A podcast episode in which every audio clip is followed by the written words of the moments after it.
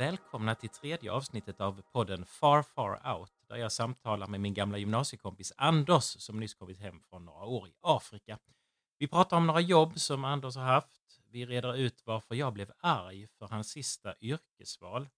Vi skryter lite om våra respektive artistkarriärer och vi pratar om vad vi är avundsjuka på hos varandra. Då kör vi!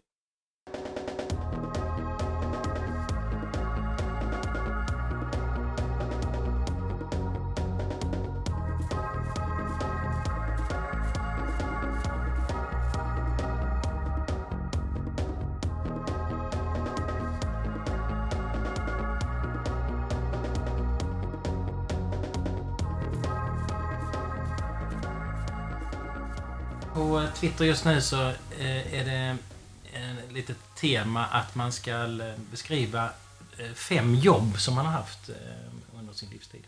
Så jag tänkte att du skulle få berätta om fem jobb som du har haft. Fem jobb? Ja, arbetsställen. Ja, första jobbet jag hade det var i en klädesaffär. Mm. Som hette Märkeskompaniet. Som sålde herr och damkläder och hade en jeansavdelning också. Du var väldigt duktig på det. Ja, fast vi hade ju inga kunder. Ja, jag var ju där någon Ja, gång. men det, detta var ju på den här tiden eh, när eh, kooperationen fortfarande var en ganska ointresserad eh, klädkund. Och mm. våran butik låg ju i vägg i vägg med Obs i samma hus. Ja, det, Så det var väl inte så att de mest modemedvetna och eh, köpstarka personerna forsade förbi våran butik i stora illertåg. Liksom. Det, så var det ju inte. Så att vi låg inte riktigt bra till. Alltså, vi hade det lite bistert med kunder. Mm. För annars var det en bra idé att sälja märkeskläder till mm. lågpris. Mm. Eh, och det var bra kläder och bra märken. Men det hjälper ju inte när det inte var rätt kund Nej, utanför. Utan, det, på Obs i Hässleholm, som det hette då, så fanns det världens bästa byggavdelning som alla män gick ner och stod och tittade ja, och drömde om hammare oh, och sågar. Och alla damerna var på ovanvåningen och köpte mjölk och yoghurt. Mm. För då var vi fortfarande mer cementerade i könsrollerna än mm. vi är idag. Mm. Och när de här två sen hade avslutat sina två värv ganska tillfredsställda så var kläder inte någonting som var jätteintressant att lägga mm. pengar på. Så att vi låg fel till. Det var mitt första jobb. Vet du vad jag gillar mest med dig som eh, klädförsäljare. Det var att om man kom ut och hade tagit på sig någonting så kunde du säga det var det fulaste jag har sett, det kan du absolut inte ha. Och jag älskar det, att, eh, att man får veta sanningen. Och det var du aldrig eh, orolig för? Nej, jag är uppfostrad på det viset att om någon frågar mig om min åsikt så får de ha den åsikten som är min åsikt. För de, jag, jag, de frågar mig, även om de frågar mig, kan du ge mig min åsikt nu? Mm så säger de ju till mig att det är din åsikt jag vill ha, då får mm. de min. Mm. Det är ju inte alla som uppskattar. Men det var, det var nog bra med många kunder. Men det var mm. säkert inte alla kunder som... Nej. Kanske därför vi inte hade många kunder. Men eh, faktiskt så, så, är det tydligt så att du har alltid varit eh, väldigt ärlig och eh, inte orolig för att säga vad du tycker. Och det, det, har också gjort att det är en hel del som inte har gillat dig. Därför, en del människor klarar inte av att ta emot eh, ärliga. Och sen så kan du vara lite provocerande också tror jag. Ja, framförallt så har jag en ganska, jag har en ganska aggressiv humor. Ja, just det. Eh, vilket eh, ibland kan uppfattas som att jag är mer elak än vad jag egentligen är. Ja, så är det faktiskt. Gott, det var det första. För andra jobbet, eller nästa jobb, då jobbade jag eh, på ett behandlingshem för missanpassad ungdom höll jag på att säga. Men med multi, alltså, ungdomar med eh, multiproblematik. Som allt från droger till eh, bara eh, misskötsamhet och ja, och så här. Hur halkade du in på det? Ja, det var egentligen Då har vi hoppat över ett jobb för då satt jag faktiskt ett tag på, i kassan på ICA. Oj! Och där blev jag rekryterad av en, en, en herre som Eh, tyckte jag skulle passa som klippt och skuret i hans organisation. Eh, var, så ni kände inte varandra innan då? Nej, det gjorde vi inte. Jag hade, nej, det, det gjorde vi inte. Nej. Eh, vad jag inte riktigt visste där var att jag, att jag var omedveten om att jag samtidigt egentligen då var, blev uppraggad. Ja, Fast ja. Jag, blev, jag förstod ju aldrig det så att det blev inte någonting av den uppraggningen. du har aldrig varit lite så intresserad av män? Nej, och det, det, jag kom från, detta var på eh, tidigt 90-tal, jag kom från en liten ort. Jag, det fanns nog inte ens i min begreppsvärld att mm. det fanns folk med en annan, eh, en annan sexuell orientering. Så det, det hade egentligen inte någonting annat med att göra än att jag förstod verkligen inte när jag fick inviter ifrån Nej, nej. från någon, en medlem av, mitt, av samma kön som jag. För det, det här var en helt annan tid. Alltså, när vi gick i gymnasiet, du och jag, på den här mindre orten. Då kände vi till en person i hela den här, på den här orten som var homosexuell. Ja, eller ja, två kanske, men det var inget man ens Ja, tänkte. Man, var inte, man, var inte ens man tänkte på det så att liksom, ja, den personen var, var bög där. Men det var inte liksom, jag, jag, men jag gick inte ens vidare i tankevärlden Nej. kring det. Det var inte jätteviktigt. Men vi, alltså, man får ju också, vi, vi får också tänka på hur stora framsteg vi har gjort de senaste åren. På, på 60-talet så fanns det en svarthöjad man i, i, i Hässleholm som hade kommit hit. Det var en musiker från USA tror jag. Mhm. Eh, och då var det, alltså detta var alltså i början på 60-talet, mitten på 60-talet. Då, då packade alltså familjer från resten av Skånes här picknickkorgen och åkte till Hässleholm på söndagarna och körde runt i Hässleholm för att se om de kunde hitta Cocomilk som han till råga på allt ironiskt nog kallades, denna extremt mörkhyade man. Och så det var liksom, det var så osannolikt Ja. att det faktiskt fanns en svart man. äh, Så att folk av ren nyfikenhet satte sig i bilen och, och liksom äh, åkte på söndagsutflykt för att se om de skulle få syn på honom. Och, och, Och det är alltså inte, det- är ju strax för min livstid bara. Och idag så, och jag menar när jag gick, jag vet inte hur det var med dig, men när jag gick på eh, mellan, låg och mellanstadie och högstadie. Vi hade en tjej i min klass med, med liksom en utländsk, eh, till hälften utländsk härkomst. Eh, med ett, ett, ett annorlunda namn. Ja. Det var den enda. Idag så är det ju inte märkligt för, du har själv barn, jag antar att de Mm. reagerar inte på att det finns eh, någon i klassen som heter Mustafa istället Nej, för att han heter Anton. Alltså, det, det har blivit så otroligt normaliserat för att världen har förändrats. Mm. Och det, eh, så att, men i alla fall, för att knyta tillbaks. Det, Ja, för det, jag vill, bara säga det. Kopplingen då mellan eh, den här svarta mannen och en homosexuell som raggar upp dig. Jag förstod inte Nej, det. nej, men det var ju för att jag sa att begreppsvärlden var så annorlunda. Ja, ja, ja. Mm. Eh, och sen var det så att vi, jag kommer ihåg vi åkte iväg på, vi var på ett, eh, vi besökte ett projekt i Berlin. Mm. Då när jag jobbade på socialtjänsten så besökte vi ett projekt i Berlin eh, som eh, handlade om eh, det var ett projekt som arbetade med eh, pojkprostituerade från Bahnhof. Bahnhof, Bahnhof Zoo, alltså den här eh, jätteberömda järnvägsstationen. Mm. Och det var alltså homosexuella, homosexuella unga med pojkar som kom främst ifrån Östeuropa och som hade åkt till eh, Tyskland för att jobba som prostituerade på Bahnhof Zoo. Eh, och sen så för att försörja sina familjer. Och, så här.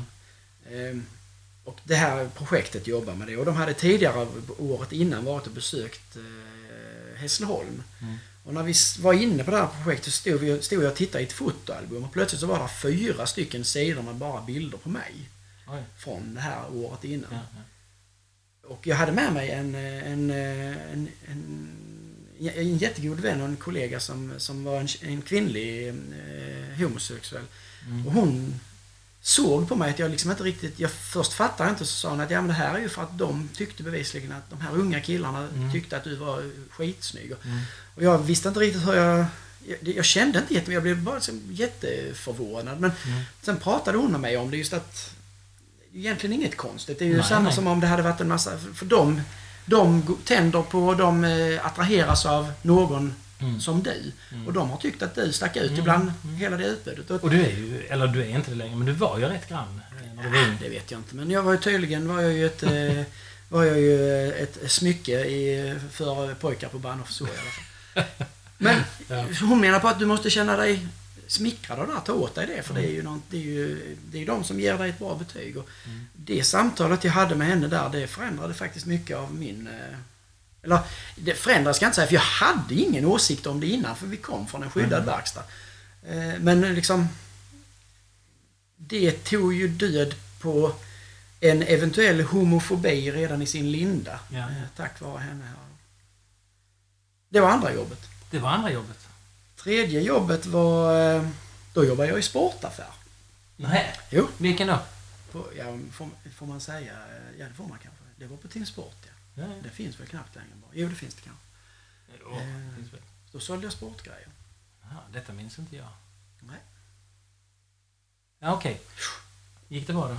Ja, ja, det gick väl rätt bra. Det var ju, jag var ju, har ju alltid varit extremt sportintresserad. Mm. Och som du sa, jag är, ju, jag är noggrann med detaljer och sånt. Så jag var ganska kunnig. Så jag var nog en, eh, en rätt okej sportsäljare. Men jag hade säkert Mm. samma problem där. Att eh, vissa kunder kanske inte gillade att jag var så rak som jag var. Nej. Sen eh, om vi går till, vi kan gå till eh, nästa jobb. Då var jag, då var, vände jag tillbaks till, eh, till socialtjänsten faktiskt och jobbade som fältsekreterare med uppsökande ungdomsarbete. Det var jäkligt roligt. Vad gör man då? Ja, då vistas man ju egentligen i en, eh, mycket i en, i en miljö där ungdomar rör sig. Mm. För att eh, knyta kontakter, känna av spänningar, eventuellt kunna fungera som någon form av eh, stödperson, eh, role model. Mm. Vad fan heter det på svenska? Rodmodell. Rol, en, en rollmodell. Rollmodell heter det. Förebild! Ja, är en förebild heter det. Ja, precis. Ja, Eh, jag kan inte se mig dig som en förebild faktiskt. Nej, men de, förhoppningsvis var det väl någon, Ja. kanske enskild stackare som gjorde det. Och sen hade vi programverksamhet, besökte skolor, Ja.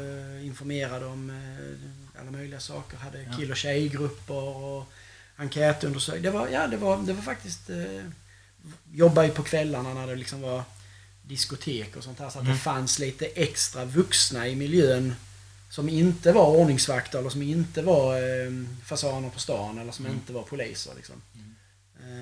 Eh, utan en tanke här, eh, för vi pratade innan om att eh, du kan vara lite provocerande eller säga vad du tycker och det gör att det är en del som gillar dig och andra som inte gillar dig. Eh, men samtidigt har du någonting här att eh, problemungar verkar ju respektera dig. Förstår du vad jag menar?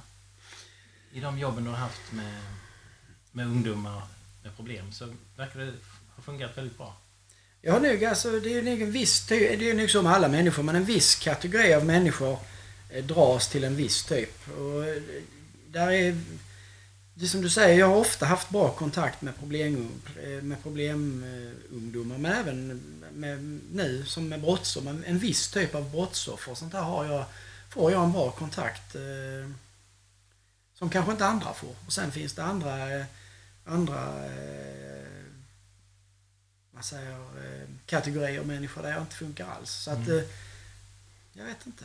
Men det handlar nog också mycket om att jag har alltid brunnit för att hjälpa folk i utsatta situationer. Och brinner man för någonting så får man ett högre engagemang. Och när man har ett högt engagemang så känner ju motparten ofta av det och känner att jaha, här är någon som verkligen vill någonting. Mm. Kommer man in i halvhjärtad i en situation så känns det också då, eh, ja, då är det klart att då börjar man på minus. Mm. Mm. Var det fyra jobb du har nämnt? Det var fyra jobb. Femte jobbet det blir ju i så fall min nuvarande jobb. Det är att jag är polis. Och det har, inom polisen har jag ju haft många, många olika jobb. Så, men jag Mm. väljer ändå att, att bunta ihop det till, Ja, till ett. jag. Ja, Du har jobbat med lite av varje, kan man säga. Ja. Eh, när eh, du bestämde dig för att bli polis. Jag, jag jobbar ju då i Stockholm, så jag var hemma och hälsade på dig. Kommer du ihåg det? Nej. Eh, vi, eh, du tog med mig ner för du skulle hänga tvätt i källaren i det huset du bodde i. Och eh, medan du hängde tvätt så berättade du att du skulle eh, gå på Polishögskolan. Jaha. Och du minns inte hur jag reagerade heller? Nej, det här har jag inte, jag har inget minne över den här episoden överhuvudtaget. Faktiskt. För jag, jag blev ju arg på dig. Ja, just det. Men det, ja, men det visste jag inte att du har varit arg på mig hela tiden för du tycker att jag slänger bort min kreativitet eller vad det är. Men Jag kommer inte ihåg att du blev arg på mig där och då och så. Men det har Mm. du brukar ju, brukar ju tragga om det som man säger Ja. här i Skåne. Ja, precis. Ja, eh, för det var, det var så, eh, du berättade att jag har bestämt mig för vad jag ska bli. Och jag bara yes, äntligen ska han göra någonting av sin talang. Och så säger du att du ska bli polis. Och det som då är talangen som, som jag pratar om är att du är enormt kreativ, konstnärlig. Och i princip alla konstnärliga yrken skulle du kunna bli fantastisk i. Skådespelare, du skulle, du skulle kunna bli musiker. eh, du skulle kunna bli konstnär eller serietecknare. Eller, alla de här kreativa konstnärliga yrkena. Och eh, då hör ju till saken varför jag blir arg på det är ju för att jag är, eh, är ju en eh, kreativ själ i en värdelös kropp. Och jag, jag är så grymt avundsjuk för att du har den här talangen och du bara kastar iväg den på och inte använder dig av den. Är du med på det? Ja, jag vet. Men det där är ju ditt kors att bära på något sätt. Det är ju den typen av känsla tror jag att vi alla har gentemot någon annan egentligen på något sätt. Att om det är någon som gör någonting som man själv skulle vilja göra eller det, framförallt om det är någon som inte gör någonting men de borde kunna mm. göra det som man inte själv eh, kan. Eh, men jag, jag har någonstans ändå bevisligen haft en hel del talang för många av de sakerna som behöver göras som polis också. Eh, mm. Och jag tycker inte att jag har hamnat fel. Och jag tror att jag, det kanske från min från min eh, uppväxt eller så, men att jag någonstans ändå ville ha liksom ett, om man ska, jag missförstår mig rätt, men liksom ett, ett riktigt mm. jobb mm. där man liksom får, alltså där man inte står och faller med, med eh, liksom hur det går just för mm. stunden. Mm. Du har känt, du har berättat för mig att du kände lite så här, skådespelare och liknande i Stockholm. Sånt där. Inte, inte första klassens men kanske andra. Och hur mycket ångest och vånda det var mellan jobben för att man visste inte riktigt hur man skulle mm. eh, ta sig vidare till nästa punkt. Och eh, man, att man lätt känner sig ganska värdelös när man söker någon roll mm. och så mm. får man inte den. Och, jag vet inte. Eh, jag hade, och, och, och, som jag sa redan här innan, jag har alltid haft en, en enorm fäbless för att för, för människor i utsatta situationer. Mm. Och försökt... Jag, åkte, jag var åtta år tror jag, eller nio år när vi åkte till London. Liksom, och jag såg någon uteliggare som gick där med trasor på fötterna och en, en, en mm. kundvagn liksom och samlade grejer. Och jag blev helt, helt förstörd. Mm. Eh, mitt hjärta brast för han skulle jag gav honom alla pengar som jag hade samlat ihop till den här eh, semestern. Jag vet inte. Jag, det kändes... Det är, inte, det är inte så. Jag har aldrig drömt om att bli polis. Jag vaknade upp en morgon och sen var jag på väg? Jag kanske borde söka polishögskolan. Mm. Och så gjorde jag det och så kom in. Mm. Det är inte så att jag på något sätt, jag har inte tänkt det en enda gång som barn att oh, det är polis nej, jag ska nej. bli. Jag har egentligen aldrig haft några drömmar om vad jag skulle bli. Så det var liksom, eh, jag var nog ganska vilsen rent yrkesmässigt. Jag var nog egentligen sån att jag helst bara skulle vilja att ha sommarlov alltid. Men var du inte i princip vilsen på många områden, inte bara yrkesmässigt? Alltså, ja, men det, jag, är träffades... jag är fortfarande på många sätt en vilsen själ. Ja. Som är lite, jag, är rast, jag är en rastlös mm. själ på något sätt. Mm.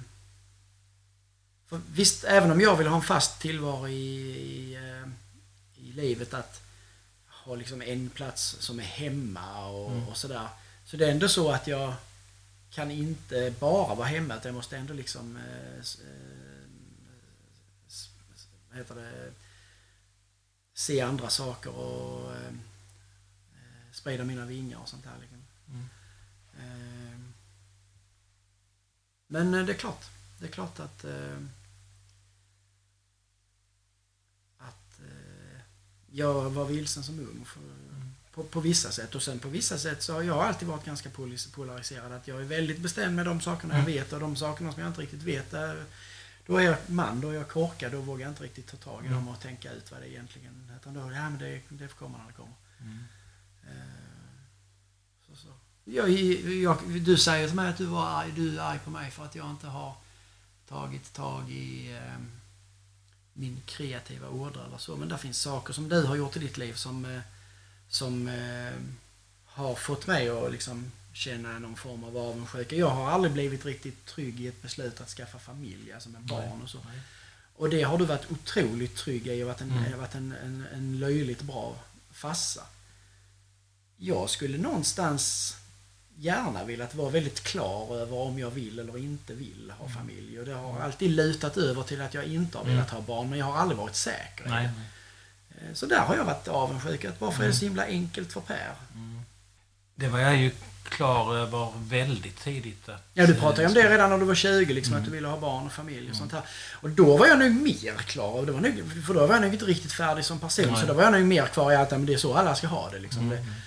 Men sen någonstans längs vägen där efter lite misslyckade kärleksrelationer och liknande med, med som såklart födde en del eh, tillits eh, issues och sånt där så blev jag mer och mer tveksam och, Mm.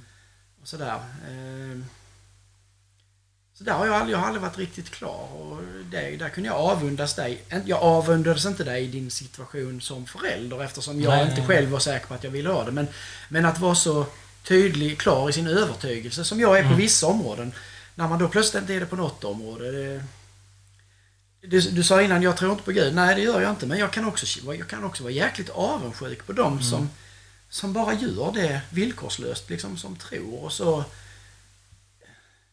Det, det, det skulle jag egentligen också kunna vilja. Mm. Men det kan, kan man inte så kan man inte. Man kan inte, man kan inte tvinga sig till någonting. eh, Man kan inte lura sig till någonting. Utan antingen känner man på ett visst sätt eller känner Mm. man inte. Och så antingen tror man på någonting eller tror man inte på det. Så kan man givetvis omvärdera längs med vägen. Men, men då måste det liksom skötas till eh, någonting nytt. Det är två saker du beskriver här. Då. Dels familj, att du eh, kunde vara avundsjuk på mig, att jag var så säker på det. Och sen eh, eh, de som är eh, troende, att det, det finns en trygghet där. Så båda de här sakerna är ju trygghet. Så eh, är det det som du kan känna dig eller avundsjuk eller skulle vilja ha en större trygghet? Eller vad, är- vad tänker du? Alltså, det, det, det kanske har med min rastlöshet att, att- eh, att göra och att jag har en del stora frågor som jag inte riktigt hittar några svar på. Ehm, och då, då ska jag ändå säga det att under mina år i, i Afrika när man sitter i myggnätet eh, om kvällarna i, i sin ensamhet så hinner man man hinner diskutera väldigt mycket saker med sig själv som man normalt sett inte skulle ta sig tiden att hinna diskutera. Mm. Så jag har lärt mig en hel del om mig själv och känner att jag är mer eh, mer emotionellt intellektuell nu än vad jag Mm. har varit tidigare. Eh, Men där finns ändå fortfarande ett, ett par stora svarta ytor som jag liksom inte riktigt hittar någon, någon, något svar runt eh, och inte kan skapa någon begriplighet i. Och när Mm. jag inte kan skapa någon begriplighet då tycker jag det är läskigt och då Mm. tycker jag det är lite så. Eh, Och då blir jag lite ambivalent. Och de som då i de här områdena är har en väldigt klar kompassriktning om att så här och så här är det. De kan bli Mm. avundsjuk på. För jag, Mm. då skulle jag vilja känna som dem. Mm. Men sen är det kanske andra områden som jag har en väldigt klar kompassriktning på. Där någon annan inte har det. Och då känner de, jag, jag tror detta är ganska naturligt att vara Mm. lite avundsjuk på någon annan för att den... Och då pratar jag inte om liksom, man, kan- man, kan vara jätteavundsjuk på någon som har det skitbra, massor av pengar, Mm. stora bilar, fint hus. Det är ju oerhört mänskligt. Men Mm. det, här, det här är något mer annat, mer emotionella värden. att som, som jag sa, jag hade, jag hade verkligen önskat att jag från 22 års ålder var supersäker på vad vill jag i mitt liv Mm. vad det gäller med social samvaro, familj, barn. eh. Jocke också. Och inte liksom... Och jag har fortfarande idag, jag är 48 och jag har fortfarande inte riktigt landat i var, var jag vill eller var jag ville. Nej. Hen nu är, är ju liksom eh, tiden förbi men... Ja. Men alltså... Nej men det är... Du brukar ju säga så här, jag är slut som artist. Ja men jag har ju aldrig varit... Du har ju precis suttit här och sagt att jag är dum i huvudet som inte blev artist. Så att eh, jag har ju aldrig... Jag kan ju inte vara slut som artist eftersom jag aldrig har börjat. Ja, fast det har du ju. För att, att jag har eh, varit... du var med i eh, revy. Ja, att jag har spelat. Det- Jag vet inte riktigt om det sorterar in under Ja, kriterierna. det var- Alltså, jag är nog inte... Jag, jag tror inte att jag är att räkna som artist. För att jag har varit med under eh, tre eller fyra säsonger av den extremt lokala Finjarevyn med Ja. säkert eh, flera stycken eh, eh, åskådare varje gång. Du eh, får tillrop varje gång du kommer i Finja. Folk Åh, det är du som var med 1900. Ja, kanske det. Jag eh, befinner mig ju inte på eh, speciellt eh, frekvent basis i Finja. Men eh, sen har du ju varit med i någon dock-grej också. Dokumentär. Ja, ja, ja, jo. Jag var en, gjorde ett kort gästspel som, som en av karaktärerna i en doku, dokusåpa på TV. Ja. Eller det är inte en dokusåpa, vad heter det? En Nej, riktig en dokumentär, Ja. Ja. Men eh, du vet ju, mina 15 minuters film känner du till va? Jag var ju med i Landet runt. Ja, Ehm, det visste jag inte. jo, eh, Jag trodde det var dina 15 minuters fame. Det var när Ola Salo och han eh, svarade på din, eh, på din monolog om hans liv. Eller, Ja, eller, ja, men- eller om varför han hette Ola Salo. Det var, Ja. väl, det, var väl, det var inte ens 15 minuter. Det var ju typ fem- Nej. 15 sekunder. Ja, det tog väl en sekund att läsa. Oh, han har kommenterat. Nej, nej det här var eh, när jag bodde i Danmark. Så, eh, så gjorde jag en hemsida om, eh, om att vara svensk i Danmark. Och eh, det blev samtidigt som bron fyllde år. Och då var det många medier som ville skriva. Och då hänvände sig då landet runt jag vet inte ens vad landet runt vet inte vad landet är. det runt en tidning? Det ser, nej, nej, nej. Det är ett tv-program. Ja, det är något sånt Café Norrköping. Ja, ja, ja, ja det, det är ju på något sätt att de... eh, Ja, fan, det är en samling av små reportage. Och eh, de ville göra ett reportage om hur det var att vara svensk i Danmark. Så det var ett jättefint hemma hos-reportage. Vi eh, samtalade vid köksbordet ute i trädgården. Vi var ute och gick med barnvagnen och pratade. Och, eh, så min underbara son och min exfru var liksom med. Och det var jättefint hemma hos-reportage. Och så sändes det då klockan 15 en torsdag. så de 10 minuter var det då fame jag fick. Det var ju bara pensionärer och arbetslösa som, som såg det här programmet. Det blev inget, det blev Så- inget kändisliga av det. Det var någon eh, 65-årig tant som tyckte att det var spännande som sa jag har sett dig på TV. Så det, det blev ju ändå lite av det. Ja men det har visst genomslag för att jag eh, var ju inte med några, jag inte var inte med i sådär jättemånga episoder men ändå en gång när jag kom ut eh, på ett ärende i, i Knislinge. Jo! Så gick vi upp in i ett trapphus, där var jag och min kollega och sen så kom jag in i hallen och så säger jag bara någonting och då är det någon som sitter i köket och bara, "Åh, Det är han ifrån TV! Kände igen min röst bara jag stack in huvudet i deras hals. Då, då, då fick jag för ett ögonblick, kände jag bara "Oh, hej, kolla jag är rätt kul. Men jag var eh, precis lika ocool som jag alltid är. Och framförallt var jag cool i Knislinge. Jag vet inte, det är ungefär lika häftigt som att vara, vara fräck i Vinslöv. Ja, ja, men Knissling, eh, ja, det är ändå... Det slår faktiskt Vinslöv. Och, Ah, Vinslöv är ju betydligt mer känt än Knislinge efter Ja, den här ja. fantastiska dokumentären. om Det är sant. Jättebra dokumentär. Bara den första filmen, den andra var ju inte bra. Den andra vet jag inte ens om jag har sett. Eh, Men jag var ju faktiskt kändis i Vinslöv långt innan det. Men bara i Vinslöv. Och det var ju för att min pappa hade bensinstationen i Lommarskorset. Ja. Och eh, jag var ju Anders Brun ex son. Alla visste ju vem, vem han var. Ja, och så var du med i Sugar Guys. Så var jag med i Sugar Sugar Guys var ju då en popgrupp. Ja. Vi eh, var tre personer, jag och Mattias och Jesper. Och eh, vi spelade egna låtar, bland annat eh, A Girlfriend Makes You Glad. Och eh, Extra vi, vi rönte eh, en viss framgång. Ohämmade framgångar i, på din i, klassen. På Lindalen eller Ja, Lindvägen. Men det, det var eh, faktiskt så att det, man fick, det blev inte något ligga på grund av den eh, karriären. Nej, men du var ju typ nio år, så det var väl bra. Nej, nej, men jag var ju 12, 13. Ja, det var ju ja, sexan. Ja, men då, eh, då, så- då, då ja. var du ju verkligen redo för att ligga. Nej, När du gick i var- sexan. Nej, nej, nej, det är sant. Men, eh, men jag har ju tagit upp eh, popkarriären igen, vet du det? Eh, nej, jag vet att du har hållit på med några trevande projekt. Nej, men jag, kan, ja. jag vet inte om jag, om jag någonsin skulle drifta mig till att säga att, att det är en karriär. Men om du säger att du har tagit upp din karriär Mm. från Sugar Guys, då förstår jag på vilken nivå det är. Så Mm. att då kanske du har gjort det. Nej, för jag har eh, eh, gått med i en... Eh, I ett dansband? dansband. Men det är inte pop då ju. Nej, men eh, det är, vi ska sp- spela en del av mina låtar som ju är enormt bra poplåtar. Ja, men Heter ni, heter ni någonting med två här, med, som mansnamn? Nej, alltså det är ju så här nytt faktiskt så att jag vet inte ens vad de heter. Jag har varit Så det här dansbandet existerade inte innan? Jo, jo det, eh, det existerade eh, men jag har blivit medbjuden om jag kunde vara med och så har vi spelat eh, en av mina låtar. Och nu har jag... eh, På en danstillställning eller? Nej, vi har bara tränat än så länge. Bara... Men jag räknar ju med att jag ska ut på en eh, sån En turné? danstillställning. Ja, det har jag tänkt. Här Ja. i Bunkeflo eller? Ja, Detta här är i Trelleborg. Ah, på en världsturné i Trelleborg? Ja, ja men eh, ja, vi får se. Jag är jätteglad för det. För Ja. eh, det var ju då när jag var 13 och nu är jag, vad är jag 48 eller 49 om en vecka. Ja, du, jag hoppas du får en sån här satängskjorta med stora snibbar eller någonting sånt. Utsvängda byxor. Det hade varit fantastiskt. Då kommer jag vara på varenda konsert. Ja, ja men du måste Eller komma till som det blir. Konsert kan man väl inte kalla det, utan det är ju en danstillställning. Ja. Och jag tror att det mesta de har är liksom eh, privata fester och sånt att de spelar. Hur många är ni? Eh, tre. Det är ju inte en full, det är ju ingen, det är ingen full set. Liksom. Nej, och det är liksom, där är ingen trummis utan det är ju... Trummaskin. Eh, trummaskin. Annars så kunde jag ju, jag kunde kanske arrangerat ett ganska häftigt projekt där om jag hade tagit hit en, en malisk trummis. Det kunde blivit väldigt intressanta eh, ton, tongångar i, Ja. det, i det dansbandet faktiskt. En, en, väl, en välbehövlig uppfräschning av dansbandsgenren. Ja. Jag gillar tanken. Eh, Ett av mina problem som, eh, i min karriär som, som eh, artist är ju att jag inte har taktkänsla.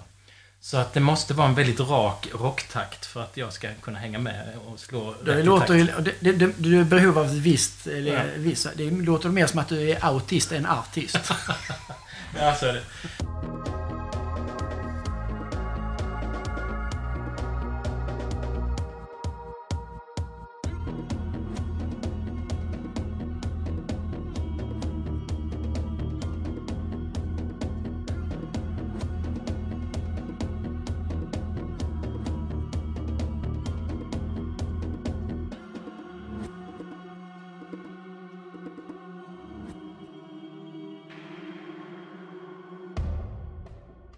Jaha, det där var det tredje avsnittet i podden Far Far Out och jag tycker det är jättekul att göra den.